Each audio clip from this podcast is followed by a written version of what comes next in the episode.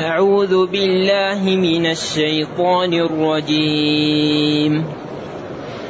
جعل الله الكعبة البيت الحرام قياما للناس والشهر الحرام والهدي والقلائد.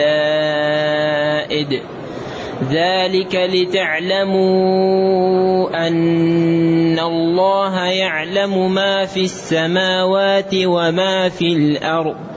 وأن الله بكل شيء عليم. اعلموا أن الله شديد العقاب وأن الله غفور رحيم. ما على الرسول إلا البلاغ. والله يعلم ما تبدون وما تكتمون. قل لا يستوي الخبيث والطيب ولو أعجبك كثرة الخبيث. فاتقوا الله يا أولي الألباب لعلكم تفلحون. الحمد لله. الحمد لله الذي أنزل إلينا أشمل الكتاب وأرسل إلينا أفضل الرسل وجعلنا خير أمة أخرجت للناس. فله الحمد وله الشكر على هذه النعم العظيمة والآلاء الجسيمة والصلاة والسلام على خير خلق الله وعلى آله وأصحابه ومن اهتدى بهداه. أما بعد فإن الله تعالى يمتن على خلقه ويبين لهم كثيرا من النعم التي جعل حياتهم تستقيم بسببها وجعل أيضا هذه الأمور مسلكا لنجاتهم في الآخرة. وذلك ليشكر الناس نعم ربهم وينجو قبل أن يفوت الأوان. فهو امتن عليهم بقوله جل وعلا أحل لكم صيد البحر وطعامه. أحل يعني هنا حذف الفاعل بنى الفعل للمجهول لأن التحليل لله وهو معلوم ولأن الامتنان حاصل بالتحليل. أحل لكم. أيها المخاطبون صيد البحر السمك الذي تأخذونه وطعامه ما ألقى البحر أو انحسر عنه أو مات في البحر على خلاف بين العلماء في ذلك. متاعا لكم يعني يمتعكم تمتيعا يعني تتمتعون به ويقيم أودكم وأنتم مقيمون أو في السفر تحملونه معكم قديدا. ثم قال وحرم عليكم صيد البر ما دمتم حرما وحرم عليكم صيد البر. وهو الغزلان والوحوش والطيور. كل الأمور التي تصاد. وهل الصيد يقال لكل ما يقتل أو لا يقال إلا لما يؤكل؟ الجمهور عندهم الصيد هو ما يؤكل من الوحوش والطيور المباحة. أما السباع والكواسح من ذي ناب وأصحاب المخالب من الطيور عند الجمهور محرمة.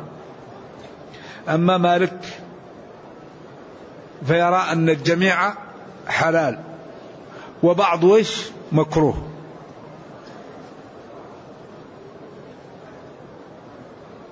واستدل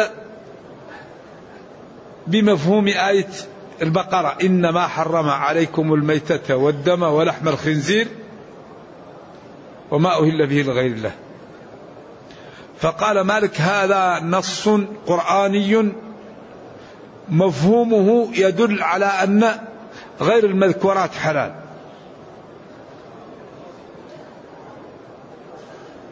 والجمهور قالوا نبينا صلى الله عليه وسلم قال أكل ذي ناب من السباع حرام وذي مخلب من الطير.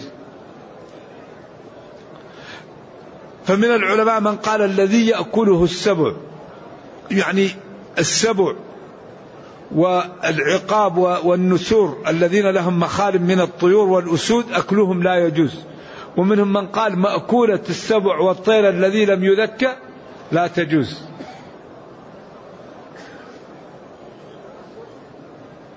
هل ذي ناب يعني مسند إلى الفاعل أو إلى المفعول على الخلاف بينهم.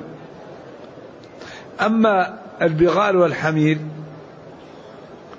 فمالك استدل بدلالة بدلالة القرآن في في معرض الامتنان. قال والأنعام خلقها لكم فيها دفء ومنافع ومنها تأكلون. ثم قال والخيل والبغال والحمير لتركبوها وزينة. ما ذكر الأكل في معرض الامتنان. إذا قال إن الحمر الأهلية والبغال والحمير لا تؤكل. وقال إن السباع وذي مخلب من الطير مكروه جمعا بين الأدلة فدلالة الاقتران وإن كانت ضعيفة مع حديث خيبر أن النبي صلى الله عليه وسلم حرم يوم خيبر لحوم الحمر الإنسية وأمر أن تكفأ القدور وأن تكسر. فهنا قال الحمير والبغال والخير حرام. أما ذي مخلب من الطير وذي ناب من السباع فتعارض عنده مفهوم الآية مع منطوق الحديث فجمع بينهما بالكراهة. نعم. ولذلك بعض طلاب العلم يتعجل ويقول مثلا مالك يرد الحديث أو أبو حنيفة أو الشافعي أو أحمد لا هؤلاء العلماء لا يردون النصوص وإنما يستدلون بأدلة قد لا تظهر لمن بعدهم. فمثلا الإمام أبو حنيفة رضي الله عن الجميع لا يقول بالتغريب يقول حديث عبادة بن الصامت في صحيح مسلم أو يجعل الله لهن سبيلا؟ قال خذوا عني خذوا عني قد جعل الله لهن سبيلا. البكر بالبكر جلد مئة وتغريب عام. والثيب بالثيب جلد مئة والرجم. فأبو حنيفة يقول أن الزيادة على النص نسخ. إذا قال لو نأخذ بالتغريب فكأن هذا يرفع الحكم الأول. لأن الحكم الموجود في الآية الزانية والزاني فاجلدوا كل واحد منهما مئة جلدة. وفي الحديث وتغريب عام. أصبح في الحديث جلد مئة وتغريب عام وأصبح في الآية جلد مئة فقط. فأصبح هنا زيادة. إذا الزيادة على النص عنده تدل على نوع من التعارض فهي تكون ناسخة للحكم فقدم الآية على الحديث نتيجة لأن الزيادة على النص نسخ. إذا هو ترك النص لنص آخر. كون أن النص يكون راجح أو غير راجح هذا أمر آخر. المهم أننا نعلم أن يعني العلماء لا يردون النصوص إلا لنصوص. مالك؟ لم يأخذ بخيار المجلس. والجمهور أخذوا بخيار المجلس. مالك قال وإن يتفرقا يغني الله كلا من سعته. فقال البيعان بالخيار ما لم يتفرقا بقوله بعت واشتريت إذا تفرقا في الإيجاب والقبول إذا يقول لا خيار. لكن الجمهور قالوا الخيار وكان بعض الصحابة إذا أراد أن يتم البيع إذا عقد الصفقة يخرج من المجلس حتى إيش؟ يتفرقا يتم البيع. لذلك لا ينبغي للإنسان يخرج لكي يمنع صاحبه من أن يرد البيع حتى يخرج خروجا طبيعيا. قال إذا التفرق بالأقوال. ولذلك الرجل لو قال لزوجه هي طالق تفرقا ولو في المجلس. وهكذا كثير من المسائل وأنا أكرر أن طلاب العلم والفضلاء وأصحاب العقل والإنصاف إذا رأوا رأيا مخالفا لهم قبل أن ينكروا على المخالف فليسألوا عن دليله وليبحثوا بما استدل. فإذا عرفت دليله بعد ذلك تنكر أو لا تنكر. أما قبل أن تعلم دليل المخالف تنكر عليه هذا ما هو إنصاف. فأول ما يعمل طلاب العلم وأصحاب الإنصاف أنهم إذا وجدوا رأيا يخالف لما عرفوه أو ما عندهم فليسألوا صاحب الرأي أو القول ما دليلك على ما تقول؟ بما استدللت. أين الدليل على هذا؟ وهذه طريق مباركة الحقيقة. والشريعة لما وضعت وضعت متحملة للخلاف. أغلب الخلاف في الشريعة سببه اللغة. اللغة اللغة. فتيمموا صعيدا طيبا. ما هو الصعيد الطيب؟ مالك وأبو حنيفة قالوا الطهر الشافعي وأحمد قالوا المنبت. المنبت الخصب. ما يريد الله ليجعل عليكم من حرج. أو فتيمموا فامسحوا بوجوهكم وأيديكم. من؟ من؟ هل هي لابتداء الغاية أو للتبعيض؟ إذا الشريعة لما وضعت متحمل الخلاف. الغسل هل يلزم الدلك أو الإمرار؟ التقصير هل يلزم كل الرأس أو أقل الرأس؟ إذا هذه مسائل يعني ولذلك ديننا دين يسر والشريعة سمحة. وقد أقر النبي صلى الله عليه وسلم الصحابة على أنه قال لهم كلام وكل فهمه بطريقة ولم يعنف قال لا يصلين أحد العصر إلا في بني قريظة. فبعضهم قال العصر جاء وهو قصده الإسراع نصلي. بعضهم قال هو الذي جاءنا بالعصر وقال لا نصلي فلا نصلي حتى نأتي لبني قريظة. ولا يمكن واحد يقول هؤلاء أخطأوا ولا هؤلاء أخطأوا. والرجلان اللذان تيمما ووجد الماء فأحدهم أعاد الصلاة وأحدهم لم يعد الصلاة. وجاءوا له فقال للذي أعاد الصلاة لك أجرك مرتين. والذي له الأجر مرتين غير مخطئ. وقال للذي لم يعد الصلاة أصبت السنة والذي أصاب السنة لم يكن مخطئا. فلازم نتعود على أننا آه، يعني آه، لا نحمل على الناس فإذا كنت تريد الجنة غيرك يريد الجنة. أنت تدرس غيرك يدرس. تفهم غيرك يفهم. تخاف من الله غيرك يخاف من الله. درست غيرك درس. فهمت غيرك فهم. ولذا النصوص سبحان الله كثير من النصوص الخلاف فيها قوي بحيث إن كل قول قوي. متعوهن على الموسع قدره. المطلقة الله يقول متعوهن. من العلماء من قال للوجوب ومنهم من قال للسنة. وكل قوي وكل له دليل. ثلاثة قروء. من العلماء من قال القروء الأطهار ومنهم من قال القروء الحيض. وكل يدل عليه الكتاب والسنة واللغة. كل من القولين يدل عليه الكتاب والسنة واللغة العربية. الذي بيده عقدة النكاح الولي أو الزوج. كل تدل عليه السنة ويدل عليه النصوص.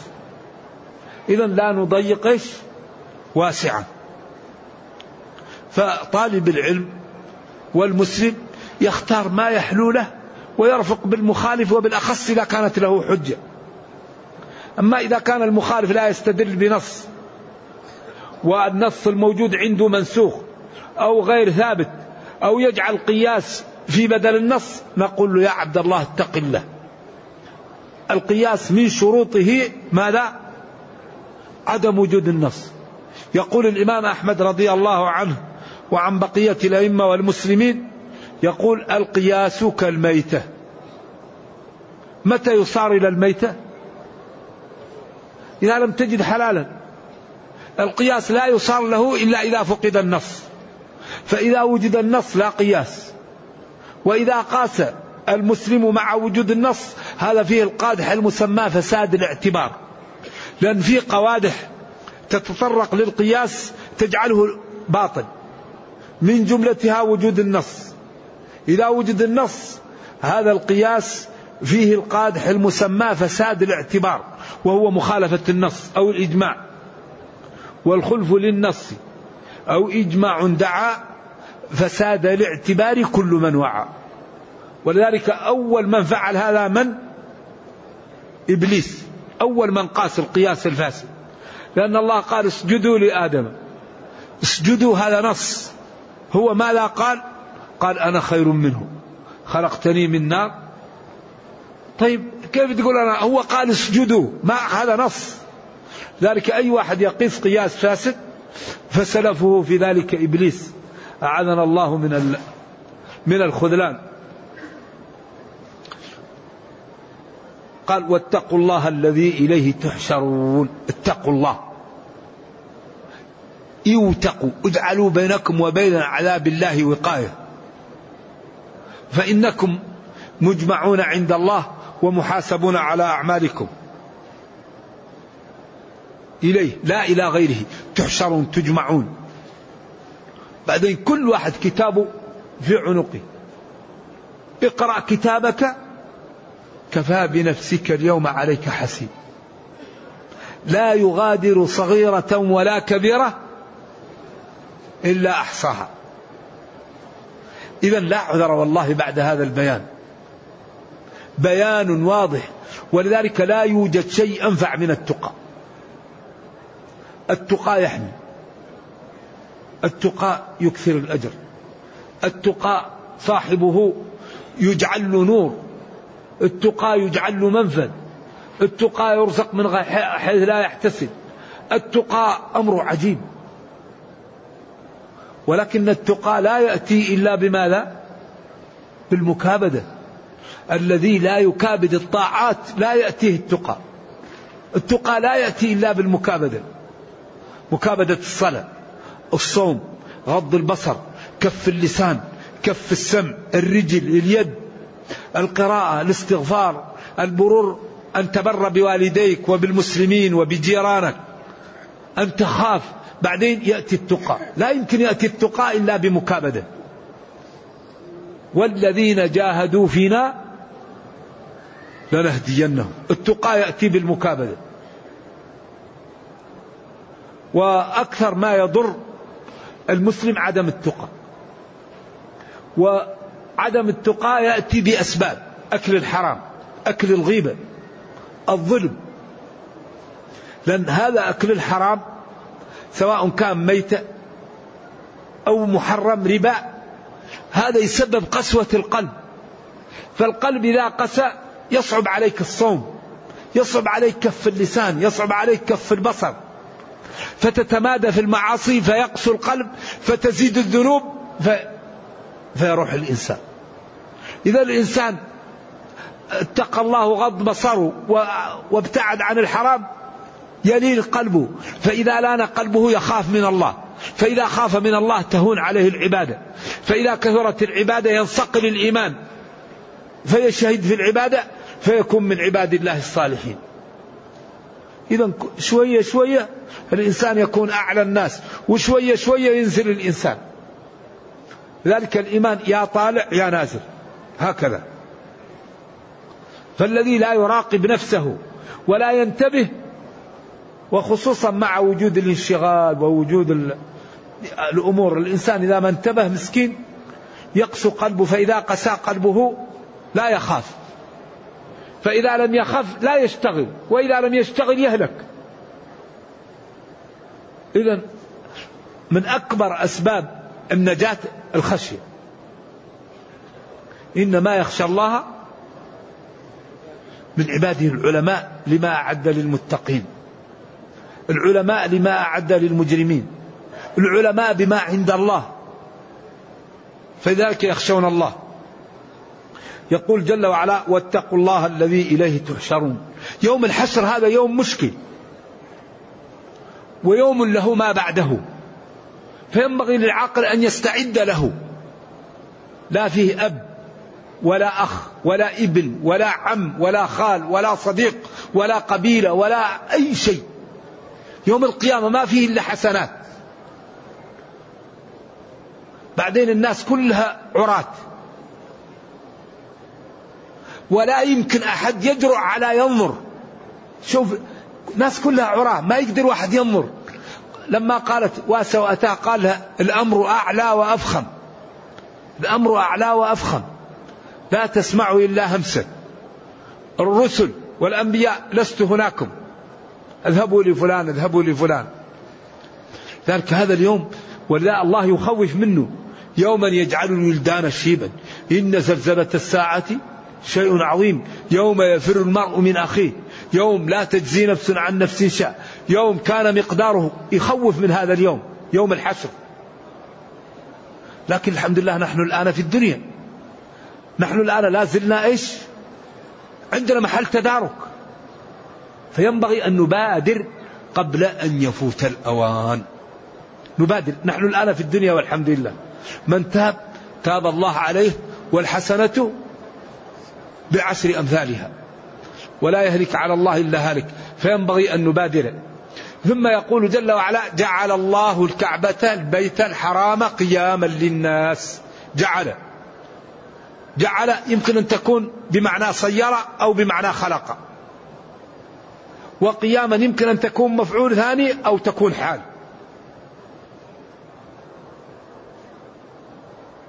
الكعب من التكعب وهو بناء الأقدمين يكون زي المكعب مربع أو مستطيل. له زي الكعبة ناتئ.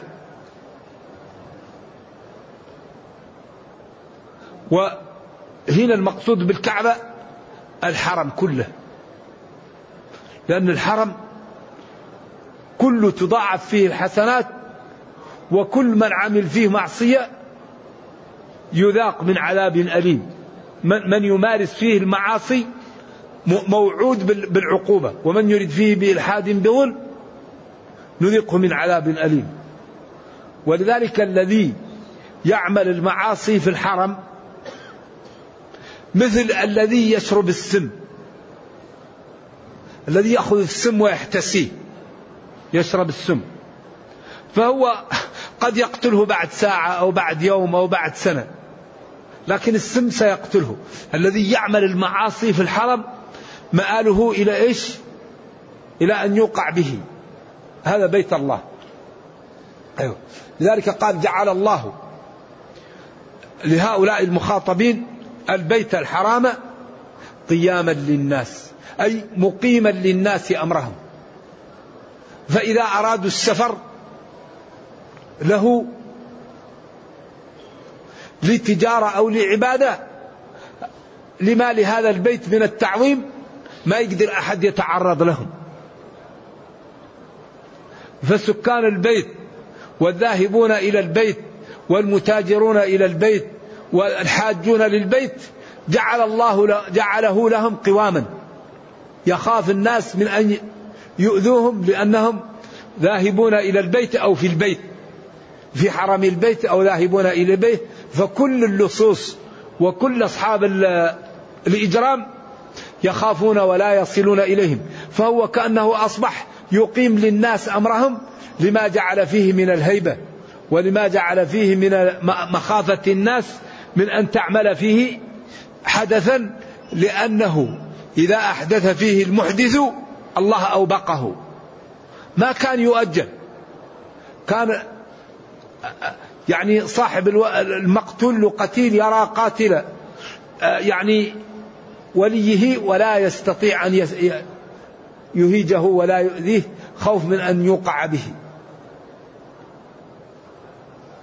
ولذلك لما عاب أبرهة على عبد المطلب أنه جاء يريد إبلا وهو جاء ليهد البيت. قالوا لما رأيتك احترمتك وأعجبني شكلك وهيئتك. فلما كلمتك احتقرتك قال ولم؟ قال أنا أريد أن نهد بيتكم وعزكم وأنت تسألني الإبل؟ قالوا الإبل أنا ربها والبيت له رب سيحميه. قال له يحميه مني؟ قال له نعم. قال له لا يستطيع. قال له أنت وذاك. أيوة. ولذلك هم طلعوا على الجبال. واثقون أن البيت ما يقدر يصله أحد. وبعدين لما جاء بالفيل بركة عند وادي محسر فصاروا إذا قوموه على جهة الجنوب مشى الغرب مشى. الشرق مشى جهة الشمال يبرك. وهم يحاولون أن يقيموه جاءت طير صغيرة تحمل ثلاث حصيات. وحطتها على هؤلاء فهلكوا. صاروا يا نفيل يا نفيل خريتهم. يقال له نفيل قال وكل القوم يسأل عن نفيل كأن للحبشان علي دينا. فهلكوا عياذا بالله. إذا الله جعل هذا البيت قياما للناس لأمرهم. والشهر الحرام. الشهر هنا مقصود به الأشهر الحرم. وهي أربعة ذو القعدة وذو الحجة ومحرم ورجب مضر الذي بين جمادى وشعبان. يقال له رجب مضر. ثلاثة سرد وواحد فرد. وهذا أيضا من من رحمة الله بهؤلاء القوم لأن هؤلاء القوم في أرض مترامية الأطراف. الصعوبة فيها عجيبة. وأهلها صعاليك وأحيانا على بكر أخينا إذا ما لم نجد إلا أخانا. من عز بز ومن غلب استلب. إن غوت غويت وإن ترشد غزية أو غزية أرشدي. يعني تحكمهم شريعة الغاب. والضعيف يأكله القوي. فهو جعل لهم هذه الأربعة الأشهر ثلاثة للحج واحد يسافرون فيه للحج وواحد يحجون فيه وواحد يذهبون إلى أهلهم وجعل شهرا في وسط السنة إذا احتاجوا يذهبون ويأتون بحوائجهم. فهذه الأشهر الأربعة كأنها حماية لهم بإذن الله. إذا وجعل أيضا الشهر الحرام قياما للناس أمورهم. واختلف العلماء في الأشهر الحرم. فمنهم من قال منسوخة. حرمتها. وهذا رأي لابن كثير ولجماعة من العلماء. ومنهم من قال إنها غير منسوخة وأن حرمتها باقية وهذا الذي يقويه الدليل. لأن النبي صلى الله عليه وسلم في حجة الوداع قال لهم أي يوم هذا؟ حتى ظننا أنه سيسميه بغير اسمه. قال أليس يوم النحر؟ أي شهر هذا؟ قال أليس الشهر الحج أي بلد هذا؟ قال أليس البلدة أو البلد الحرام؟ ثم قال إن دماءكم وأعراضكم وفي رواية أبشاركم حرام عليكم كحرمة يومكم هذا في شهركم هذا في بلدكم هذا. محل الشاهد في شهركم هذا. فالذي يظهر من النصوص أن حرمة الأشهر الحرم باقية وإن قال جلة من العلماء بخلاف ذلك. فهي لا يقاتل فيها ولا والمعصية فيها أغلظ من إيش؟ من المعصية في غيرها. كما أن المسجد الحرم ينبغي أن لا يقاتل فيه لكن لا يعيد عاصيا إنسان سرق في الحرم تقطع يده في الحرم. إنسان قتل يقتل. لا يعيد عاصيا لكن لا ينبغي الإنسان أن يظلم في الحرم. وأيضا الحرم آه، يعني لما نزلت آية التوبة قال إنما المشركون نجس. فلا يقربوا المسجد الحرام بعد عام هذا فالمسجد الحرام لا يأتيه الكفار. أما الجمهور فقالوا يحرم على الكفار دخول الحرم. أما أبو حنيفة فقال لا يحرم ولكن لا يمكنون من الحج. المقصود أنهم لا يمكنون من الحج. أما الشافعي وأحمد وأبو حنيفة والجمهور قالوا أما غير آه، المسجد الحرام فيجوز للكافر أن يدخله. لقوله فلا يقرب المسجد الحرام بعد عامهم هذا. أما مالك فقال كل المساجد تحرم على كل الكفار واستدل بدليلين. الدليل الأول قول الله تعالى إنما المشركون نجس. والمساجد ينبغي أن تطهر من النجاسة. ضف على ذلك أن الله نهى الجنب عن أن يدخل المسجد إلا مارا ولا جنبا إلا عابري سبيل. والكافر في قلبه الكفر وفي جسمه النجاسة والجنابة. الأمر الثالث الإيماء بالفاء. فلا يقرب أي فلعلة نجاستهم لا يقربون المسجد الحرام. ضف على ذلك قول الله تعالى إن إنما يعمر مساجد الله من آمن بالله. هذا المفهوم مبين بمنطوق آخر. إنما يعمر مساجد الله من آمن بالله. والدخول عمارة في الجملة. ثم قال هذا المنطوق مفهوم مبين بمنطوق آخر. لأن إنما يعمر مساجد الله يفهم من من دليل الخطاب من المفهوم أن غير المؤمن لا يعمر المسجد. وهذا المفهوم مبين بمنطوق آخر وهو قول الله تعالى ما كان للمشركين أن يعمروا مساجد الله شاهدين على أنفسهم بالكفر. فتحصل من هذا أنه لا ينبغي لأي كافر أن يدخل أي مسجد. قد يستدل بعض بأن النبي صلى الله عليه وسلم ربط ثمامة بن أثال في المسجد وأنه أنزل وفد الذي جاءه وفد ثقيف أو تميم الذي جاءه في السنة التاسعة في المسجد. هذا صحيح ولكن هذا قبل نزول التوبة. التوبة آخر سورة نزلت. في البخاري أن آخر سورة نزلت براءة. والأخير ينسخش الأول. فربط ثمامة في المسجد يقول الحافظ بن كثير أنه قبل فتح مكة وأن مجيء البخاري له في الوفود من باب في باب الوفود هذا من باب التجوز. وإنما كان قبل فتح مكة لأنه كان نوى أن يعتمر فقالت له قريش لما دخل في الإسلام صبأ ثمامة ولن نمكنك من العمرة. قال إن لم تسمحوا لي بالعمرة فلا تأتيكم مرة من اليمامة. نمنع عنكم الحبوب أن تأتيكم من أن تأتيكم من اليمامة. فدل هذا على أن هذا كان قبل فتح مكة. إذا يظهر من هذه النصوص أن الكفار لا يدخلون المساجد. وما يعمله المسلمون في البلاد التي يكونون فيها أقليات من دخول غير المسلمين في المساجد ينبغي أن تكون فيه غرفه خارج المسجد وأن يكون فيها مجسم للمسجد. فإذا جاء الطلاب أو جاء الزوار يشرح لهم عن المسجد في هذه الغرفة ويكون فيه مجسم يبين ولا يمكنون من دخول المساجد.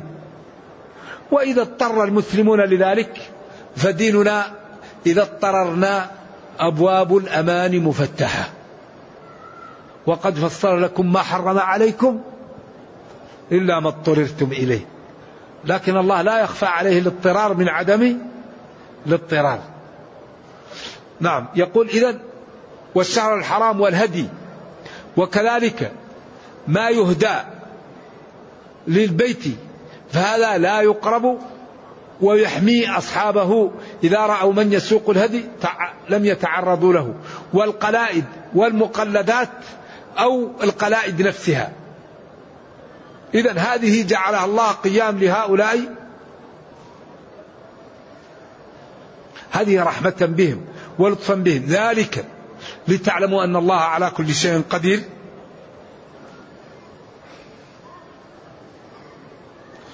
لتعلموا أن الله يعلم ما في السماوات وما في الأرض وأن الله بكل شيء عليم. دائما القرآن إذا جاء التشريع أمر أو نهي أو ترغيب أو ترهيب أو تخويف يدلل على ذلك بكمال قدرته. هذا كثير في القرآن. وأكبر كمال للقدرة هو السماء والأرض والخلق. أكبر دلالة على القدرة الخلق. لا يوجد شيء مثل الخلق. ولذلك الكون الآن تطور لكن لا يمكن يخلقوا ذبابا لن يخلقوا ذبابا ولو اجتمعوا له ولذلك يقول أفمن يخلق؟ كمن لا يخلق. يخلقكم في بطون أمهاتكم خلقا من بعد خلق في ظلمات ثلاث. ذلكم الله ربكم له الملك. لا إله إلا هو. فأنا تصرفون. إذا أكبر دلالة على الخالق هو الخلق. هنا قال لما بين هذا وبين هذه النعمة قال جل وعلا ذلك لتعلموا لتيقنوا وتصدقوا أن الله يعلم ما في السماوات وما في الأرض. أي أن علمه محيط وقادر. وما نتيجة ذلك؟ الالتزام والاجتناب الثمرة للطاعة الثمرة عدم المعصية الثمرة التقى الثمرة الاستقامة على الدين. هذا نتيجة أن الإنسان يستقيم. يترك المعاصي يبادر بالطاعات.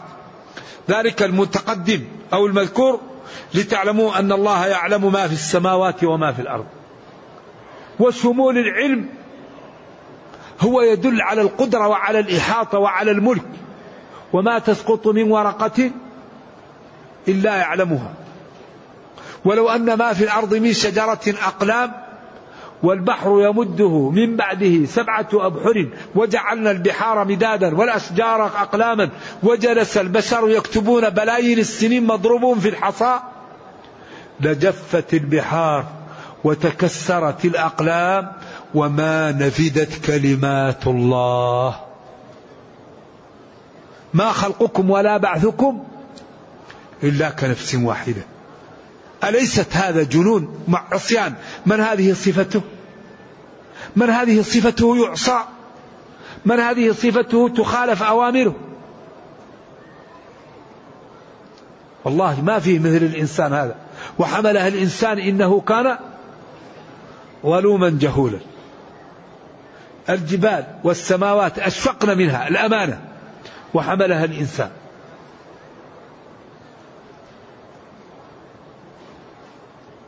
وأن الله بكل شيء عليم. كل شيء يعلمه الله. إذا النتيجة ما هي؟ النتيجة فليهنأ المتقي وليبشر بالخير. والنتيجة فيا ويل المجرم العاصي اللعاب الذي لا يمتثل. فإنه عرض نفسه للهلكة وللعقوبة. إذا أن الله على كل شيء قدير. أن الله يعلم وأن الله بكل شيء عليم. إذا النتيجة هنيئا للمتقي وخطرا وعقوبة للعاصي. اعلموا أن الله شديد العقاب وأن الله غفور رحيم. الله أكبر. ما أحسن هذا؟ أيقنوا وأعلموا ولا تشكوا وصدقوا وتثبتوا في أن الله غفور رحيم. غفور رحيم لمن تاب. غفور رحيم لمن ترك المعاصي. غفور رحيم لمن امتثل الأوامر. وأن الله شديد العقاب لمن عصاه. ولذلك المسلم بين خوف ورجاء. فإذا كان قوي وصحيح ويغلب جانب الخوف وإذا كان مريض أو تعبان يغلب جانب الرجاء. ولذا لا يوجد شيء أخوف في الدنيا من السابقة. أخطر شيء ما الذي كتب لنا في اللوح المحفوظ؟ إذا الإنسان يعمل ويخاف ويسأل الله التوفيق. لا, لا ندري ما الذي كتب لنا. لما ينفخ فينا الروح يكتب أربعة من جملتها شقي أو سعيد. فلذا ينبغي للإنسان أن يتكايس لا يسخر من المسلمين لا يحتقرهم لا يظلمهم. ينتبه إن الرجل يتكلم بالكلمة لا يتبين فيها لا يلقي لها بال يهوي بها في النار سبعين خريفا. فالإنسان يتكايس. لا يسخر من المسلمين لا يسخر من الدين لا يستهزئ يبتعد عن مواد لأنه في جوانب خطير. الاستهزاء بالدين مشكل الاستهزاء بأهل الدين مشكل الاستهزاء بشعائر الله مشكل. لذلك فيه أمور خطيرة. الرجل الذي قال إنا كنا نخوض ونلعب ماذا قال له القرآن؟ قل أب الله وآياته ورسوله كنتم تستهزئون لا تعتذروا. قد كفرتم بعد إيمانكم. فالمسلم يخاف. وإذا رأى مبتلا في المعاصي أو في أعوذ بالله العصيان يسأل الله العافية. لأن أكبر الابتلاء هو عياذا بالله من ابتلي, ابتلي بقساوة القلب و و و والانهماك في المعاصي. وبالأخص إذا كان يسكن في بلاد تضاعف فيها الحسنات. لأن هذا يكون عياذا بالله من المحرومين. الناس تأخذ حسنات مضاعفة وهو عياذا بالله في الأماكن المحترمة يكون ملعون. لعن الله من أحدث فيها حدثا أو أوى محدثا. فعليه لعنة الله والملائكة والناس أجمعين. لا يقبل الله منه صرفا ولا عدلا. يقول اعلموا أن الله شديد العقاب لمن عصاه وأن الله غفور رحيم لمن أطاعه وتاب من, الذنوب. ولذلك الله يقبل التوبة ما لم يغرغر. أو تطلع الشمس من مغربها أو يموت على على المعاصي أو الكفر. إن الله يغفر الذنوب جميعا. إنه هو الغفور الرحيم. وأنيبوا إلى ربكم وأسلموا له من قبل أن يأتيكم العذاب ثم لا تنصرون. لذلك كان نبينا يقول اللهم اغفر لي. سبحانك اللهم وبحمدك اللهم اغفر لي. وكان يكثر يا مقلب القلوب. ثبت قلوبنا على دينك. يا مقلب القلوب ثبت قلوبنا على دينك. القلب بين أصبعين من أصحاب الرحمن يقلبه كيف شاء. فلذلك يكثر العبد من دعاء الله التثبيت. ولذلك لما استشكلوا قال اعملوا فكل ميسر لما خلق له اعملوا. إذا الله كثير الغفران للتائبين وشديد العقاب للمجرمين الذين لا يتوبون.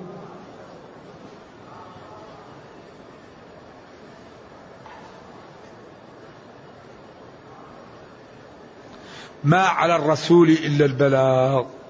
خلاص بين لكم. من عمل كذا وكذا وكذا دخل الجنة. ومن عمل كذا وكذا وكذا واعتقد كذا دخل جهنم. ومن تاب تاب الله عليه. وكل الأمور أعطيت. وما على وما يملك لكم الرسول إلا البلاغ. ولذلك هذا البلاغ هو الهداية. وإنك لتهدي إلى صراط مستقيم. يبلغكم. هذه طريق الجنة. هذه طريق جهنم. ألم نجعل له عينين ولسانا وشفتين وهديناه النجدين. لكن لا يملك أن يدخل المعلومة في القلب. هذا من خصائص الربوبية. إدخال الإيمان في القلب هذا لا يملكه إلا الله. ولذلك قال لعمه يا عم قل لا إله إلا الله. يا عم قل كلمة أحاج لك بها عند الله. فعياذا بالله قال هو على ملة عبد المطلب ومات على الكفر. فربه قال له إنك لا تهدي من أحببت ولكن الله يهدي من يشاء. الهداية هنا هداية التوفيق وهو إدخال الإيمان في القلب هذا لا يملكه إلا الله. إدخال المعلومة في القلب هذا من الله. أما بيان الطريق والإرشاد وبيان الحكم والخطورة هذا يملكه النبي صلى الله عليه وسلم وأتباعه. ولذلك قال إنك لا ت... إنك وإنك لتهدي إلى صراط مستقيم. تبين وترشد وتوضح. لكن التوفيق و... و... و... لا يملكه إلا الله. إنك لا تهدي من أحببت. نعم. الهداية الكونية والهداية الشرعية. نعم. ما على الرسول إلا البلاغ. عليه أن يبلغكم. هذا اللي يملك لكم. والله يعلم ما تبدون وما تكتمون. والله يعلم الذي تبدونه والذي تكتمونه. إذا لا ينجي إلا الصدق. إذا لا ينجي إلا الإخلاص. ما دام كل ما عند الإنسان من الأغلاط ومن الدسائس معروف لا ينفعه إلا الصدق. ما أبديت وما كتمت الله لا يخفى عليه. إذا ما في خلاص إلا الاستقامة. النجاة النجاة. العبد يستقيم فإن كان متلبس بذنوب يتوب. وإن كان متلبس بمظالم يردها. وإن كان متلبس بنفاق يخلص. وإن كان متلبس بمعاصي يقلع. ما ما ينجي إلا الحق. ما ينجي إلا الصدق. أفضل البشر بعد الأنبياء من هم؟ الصحابة. يؤتى للرجل فيقول أصحابي أصحابي. فيقول سحقا. ما, ما, ما تدري ما لا بدلوا بعدك. فيقول سحقا سحقا. يذاد ناس من الحوض. هذا في الصحيحين وفي غيرها. إذا ولذلك قال اعلموا أنه لن يدخل الجنة إلا نفسه مؤمنا فالآن نحن في الدنيا. والإنسان تقبل توبته ويقبل إيمانه ويقبل عمله. فينبغي لكل واحد منا أن يبادر قبل أن يفوت الأوان. ولذا إذا الذي لم ينتبه مسكين قد يورط. أرجو الله السلام والعافية. والله يعلم ما تبدون وما تكتمون. يقول جل وعلا قل لا يستوي الخبيث والطيب. الخبيث والطيب لا يستوي. الخبيث من الكلام الخبيث من الأفعال الخبيث من الأخلاق الخبيث من الاعتقاد الطيب من الاعتقاد الطيب من الأفعال الطيب من الأقوال. ولذلك قال وضرب الله مثلا كلمة طيبة كشجرة طيبة أصلها ثابت وفرعها في السماء تؤتي أكلها كل حين بإذن ربها ويضرب الله الأمثال للناس. ثم قال ومثل كلمة خبيثة كشجرة خبيثة. وقال الخبيثات للخبيثين إيش؟ والخبيثون للخبيثات والطيبات للطيبين والطيبون للطيبات. الخبيث له الخبيث والطيب له الطيب. ولا يستوي العمل الطيب مع العمل الغير طيب. ولذلك أكثر ما يوضع في الميزان حسن الخلق.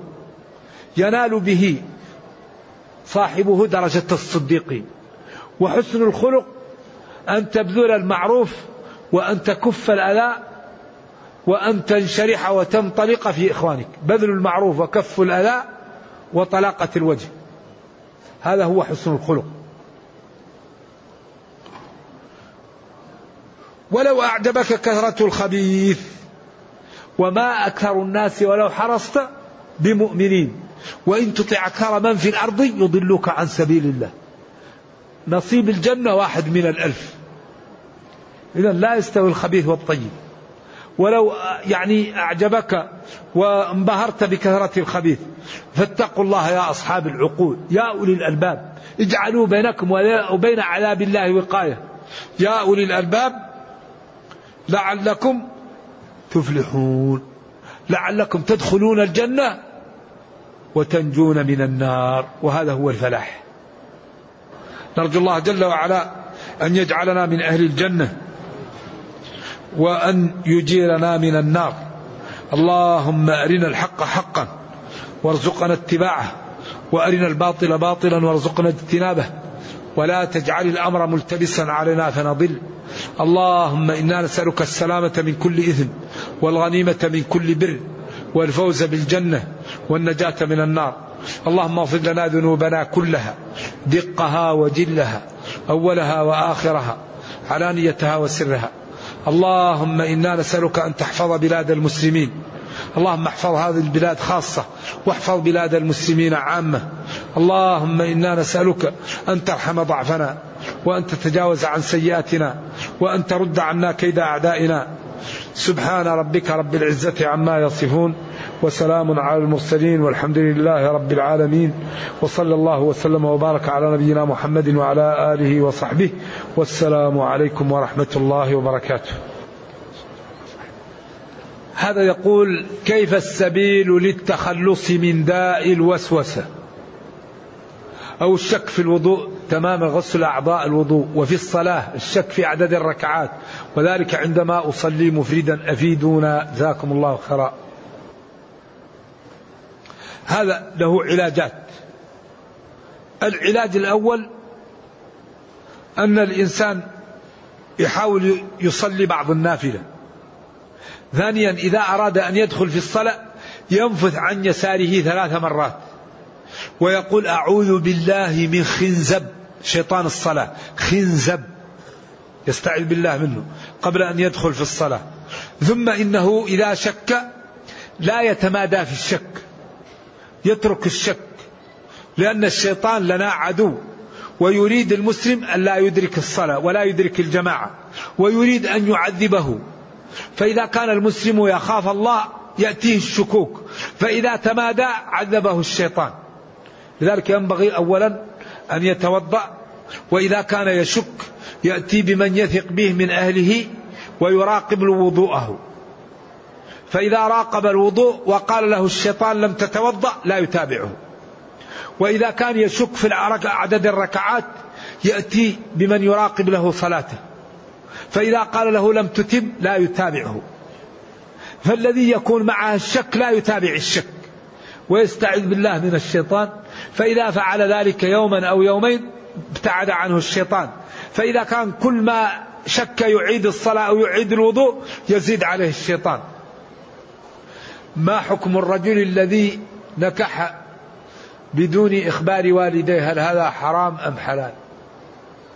إذا كان والداه أصحاب دين وخلق وأصحاب فضل ويرغبون لا ينبغي أن يتزوج بدون إخبارهما وبدون استشارتهما.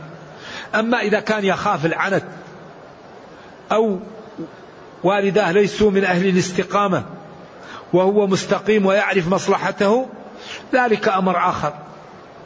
لأن الزواج يخص الإنسان. فإذا كان الوالدان أصحاب صدق ودين ينبغي أن تشركهم في زواجك وأن تطعهم. أما إذا كنت أنت صاحب دين ووالداك أصحاب فسق أو لا يعرفون أو يريدوا منك ما لا ترغب فيه ولا يحصنك أنت لك أن تتزوج من يحصنك. لأن الزواج أهم شيء فيه الإحصان أن الإنسان لا يقع في الحرام. فيجوز لك أن تتزوج على هذه الطريقة أما الأولى والأفضل أنك لا تتزوج إلا برضا والديك وبإخبارهما لأن هذا من تمام آه، يعني إكرامهم. والله قال وبالوالدين إحسانا والزواج من غير آه، إذنهما أو رضاهما قد يكون فيه عقوق وذلك لا يجوز. يقول ما حكم المعاملة في الأسهم والبورصة؟ الله أعلم. نعم. ما حكم الرجل الذي لم يتزوج وهو يعني معه احتياج إلى النساء وأنزل المني باليد خشية الوقوع في الزنا؟ الجمهور يقول لا يجوز. نعم. جلد عميرة لا يجوز أو العادة السرية. جماهير العلماء تقول لا يجوز ومنهم من يقول هو مثل الفصل وهو أخف من الزنا ولكن الذي يظهر من النصوص أنه لا يجوز. لقوله تعالى والذين هم بفروجهم حافظون إلا على أزواجهم أو ما ملكت أيمانهم فلم يقولوا أو أيديهم إذا احتاجوا إلى ذلك. فهذا لا يجوز. والأعزب يتزوج وموعود بالغناء. وأنكحوا الأيام منكم والصالحين من عبادكم وإمائكم إن يكونوا فقراء. يغنيهم الله من فضله. يا معشر الشباب من استطاع منكم الباء فليتزوج ومن لم يستطع فعليه بالصوم أو ينكح يده. إذا لا يجوز. نعم. والقول بذلك مرجوح. وإن قال به جلة من العلماء. نعم. هل يجوز للزوجة أن تطلب الطلاق لضرر نفس وقع عليها من زوجها لزواجه من أخرى؟ نعم. الزوجة إذا كانت تخاف من عصيان زوجها وهي صالحة وغير مخببة لها أن تطالبه بالطلاق. وكما أن الزوج لا يجلس مع الزوجة وهو لا يريدها فالزوجة إن كانت لا تريد الزوج وكان هذا أمر شرعي فالزوج يطلقها. ولذلك الصحابية التي جاءت للنبي وقالت إني لا أنقم على فلان خلق ولا دين ولكني أكره أن أعود في الكفر أنا لا أحبه فإذا كان معي سأعصيه فأدخل في النار. قالت قال قال لها أتردين عليه حديقته؟ قالت نعم. قال خذ الحديقة وطلقها تطليقة لكن المرأة إذا كرهت زوجها ترد له ما أعطاها. وهو يطلق. وهذا يسمى خلعا فسخ للنكاح. وهل هو طلاق أو غير طلاق؟ عند بعض العلماء طلاق وعند بعضهم غير طلاق. ولذلك كما أن الرجل لا يرغم على البقاء مع العمرة التي المرأة التي لا تحبه كذلك المرأة إذا كانت لا تريد الرجل ولم تكن مخببة ولم تكن مفسدة فهي ترد له ماله وهو يطلقها. لكن طلب الطلاق من غير ضرر وعصيان الزوج هذا ذنب عظيم. لو كنت آمرا أحدا بالسجود لأمرت المرأة أن تسجد لزوجها. فالصالحات قانتات حافظات للغيب بما حفظ الله. خير متاع الدنيا المرأة الصالحة. إن أمرتها أطاعتك. وإن نظرت إليها أسرتك. وإن غبت عنها حفظتك في نفسها وفي مالك. ولذلك آخر ما وصى النبي صلى الله عليه وسلم على النساء. قال استوصوا بالنساء خيرا. فإنهن عوان عندكم. لا يكرمهن إلا كريم ولا يهنهن إلا لئيم. خياركم خياركم لأهلي. ما لا أصنع حتى يزيد الإيمان في قلبي. أذكر الله استغفر صم تصدق أسأل الله العافية قرأ القرآن. قم بالطاعات يزيد الإيمان. الإيمان قول وعمل واعتقاد يزيد بالطاعة وينقص بالمعصية. هل يوجد نظر للمرأة لا يعد حراما؟ نظرك لمحارمك وأنت من غير شهوة لا يعد حراما. والنظرة الأولى ليست حرام. لكن لك النظرة الأولى بس قل للمؤمنين يغضوا من من أبصارهم بعض الأبصار. وقال ويحفظوا فروجهم. ما قال ويحفظوا من فروجهم؟ لا يحفظوهم. حفظ كامل. لكن البصر تحفظ بعضه. لك النظرة الأولى. يقول امرأة أرادت الوضوء في المسجد النبوي. فهل تستطيع أن تكفت كم العباءة عليها أو بلتها فهل هذا؟ نعم المرأة إذا كانت ثقيلة الجسم أو تعبة أو تريد أن تعمل قد تأخذ ماء وتتوضأ لكن في طرف إذا كان فيه محل يصرف الماء. أما تأخذ الماء وتضعه على لا ينبغي لكن إن استطاعت أن يكون في محل يصرف الماء وتتوضأ وضوء خفيف مجزئ يجوز. ينزل على المرأة إفراز بني اللون فهل يعد هذا حيض بعد الحيض حيض. الصفرة والكدرة بعد الحيض حيض. ولذلك كثير من المسلمات يصلين وهن حيض. المرأة لا تصلي إذا كان عليها حيض إلا إذا رأت الطهر. والطهر هو الجفوف التام أو القصة البيضاء. مادة بيضاء تخرج من المكان الذي يكون فيه الدم بعد انتهاء الدم. لذلك تتحرى المرأة المسلمة أن ترى الطهر ثم بعد ذلك تصلي. أما كثير من المسلمات اللاتي يصلين إذا انقطع الدم فهن حيض يصلين مع الأسف. فالصفرة والكدرة وتغير اللون كله بعد الحيض حيض. فتتقي المسلمة. الله والمرأة الحائض لا تجوز لها الصلاة ولا, ولا الصوم ولا أن يأتيها زوجها حتى تطهر طهورا تاما. ولذلك بالجفوف أو القصة. والأولى أن تتحرى حتى تأتي القصة لأنها هي الذي يعرف بها الطهر. يقول ما لا تنصح زوجة تحب زوجها حبا شديدا وقد تزوج عليها. خلاص اصبري. هذا شيء أباحه الله. وأنت ترتكبي أخف الضررين.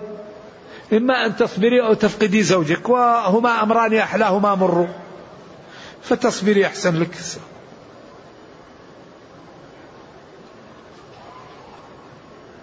تقول إذا كان المحرم في الطائرة ألا يحل له صيد الجو؟ يصيد الطيور والحبارة. كيف يصيدهم وهو مقفول عليه هذا مسكين؟ ما هو ما هو سؤال غير ما هو منتبه. يقول إنه من أهل الطائف وسافر وجاء لجدة وكان يقصر الصلاة فلما جاء للمدينة أصبح يتم مع الإمام. كل جائز. المسافر يجوز له الإتمام ويجوز له القصر. والقصر للمسافر أفضل. وإذا أراد أن يصلي مع الجماعة ينوي القصر ويتم وله أجره. لأنه هو يقول أنا مسافر لكن الذي يصلي مع الإمام يتم معه. إنما جعل الإمام ليؤتم به. أما الذي يدخل مع الإمام ويجلس وراءه هذا خلاف الأولى. يصلي ركعتين مع الإمام وينصرف أو يجلس الأولى أنك إذا أحرمت مع الإمام تمشي مع الإمام حتى يسلم. ولا تجلس. أما إذا كنت تريد أن تقصر الصلاة فلا تدخل مع الإمام. أو ادخل معها بالنافلة. فإذا انتهت الصلاة عيد الصلاة ركعتين. هذا الأولى. وإن قال جلة من العلماء بخلاف هذا. لكن تدخل مع الإمام وتنفلت عن الإمام هذا خلاف الأولى. لا يعمل هذا. إنما جعل الإمام ليؤتم به. فإذا كبر فكبروا وإذا ركع فاركعوا. وإذا قال سمع الله لمن حمده فقولوا اللهم ربنا ولك الحمد. ما قال إلا أن تكون مسافرا فإن لك أن تنفرت من ورائه. ما قال هذا؟ قال إنما جعل الإمام ليؤتم به. والانفلات عن الإمام هذا مخالف للائتمام. يقول ما سبب زهد الناس في تعليم وتدريس هذا العلم الشريف التفسير؟ لا ما يزهد فيه لكن التفسير تدريسه يحتاج معرفة النحو والصرف والبلاغة وأصول الفقه ومصطلح الحديث والقواعد الأصولية والقواعد الفقهية والتاريخ والسيرة وواقع التشريع لأن الله قال تبيانا لكل شيء. ونزلنا عليك الكتاب تبيانا لكل شيء. فالتفسير إذا أراد المفسر أن يفسر تفسيرا كاملا يحتاج منه عناء طويلا. أما المواد الأخرى فكل مادة محصورة في ذاتها. أما التفسير فصاحبه يحتاج إلى الفقه وإلى مصطلح الحديث وإلى أصول الفقه وإلى النحو والصرف والبلاغة والمعاجم اللغة. فهو تبيان لكل شيء. فأنت إذا أردت أن تفسر القرآن ستستعمل جميع العلوم لبيان كلام الله. فهو يحتاج عناء طويل وهذا يمكن من الأسباب. هل هذا للعلم التفسير أصول ينبغي الاهتمام بها؟ نعم. لهذا العلم أصول قيمة. ومن أحسن الكتب التي ألفت في أصول التفسير كتاب الإتقان. كتاب الإتقان في علوم القرآن للإمام السيوطي غفر الله لنا وله. فهو فعلا إتقان. هذا كتاب قيم. يقول هو يريد أن يتعلم هذا العلم ولكن ما الطريق؟ الذي يريد أن يتعلم يذهب للشيوخ والشيخ الذي يريد أن يعلمه يبصره. ومن أكبر أسباب معرفة العلم أن يبدأ طالب العلم بصغار العلوم. ويأخذ قليل قليل ولا يمشي عن لوح حتى يتقنه. إذا قال بما كنتم تعلمون الكتاب وبما كنتم تدرسون. هل ورد شيء من الفضائل في شهر رجب؟ في رسالة للحافظ بن حجر يقول إنه لم يثبت شيء في رجب. بيان العجب فيما ورد في رجب. ما صح شيء فيه.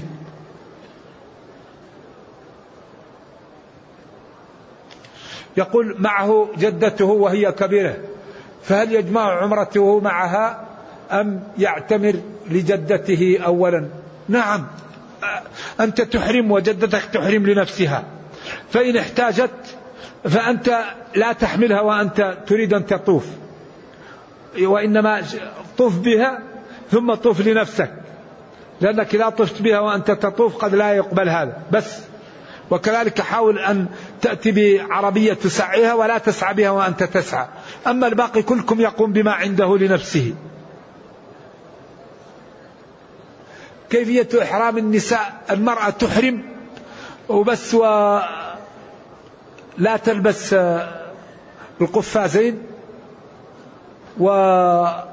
ولا تلبس النقاب وينبغي لها إذا أرادت أن تستر الوجه تستره من بعيد الأولى. إذا كانت قريبة من الرجال تستر الوجه من بعيد فإذا لم تكن عندها رجال لا تغطي الوجه. نعم. ما المقصود بالقلائد في الآية؟ القلائد هو ما يعمل من لحى الحرب أو من الحبال أو من الأشجار ويوضع في عنق الناقة. إذا رآها الناس علموا أنها مهدية للكعبة فابتعدوا عنها.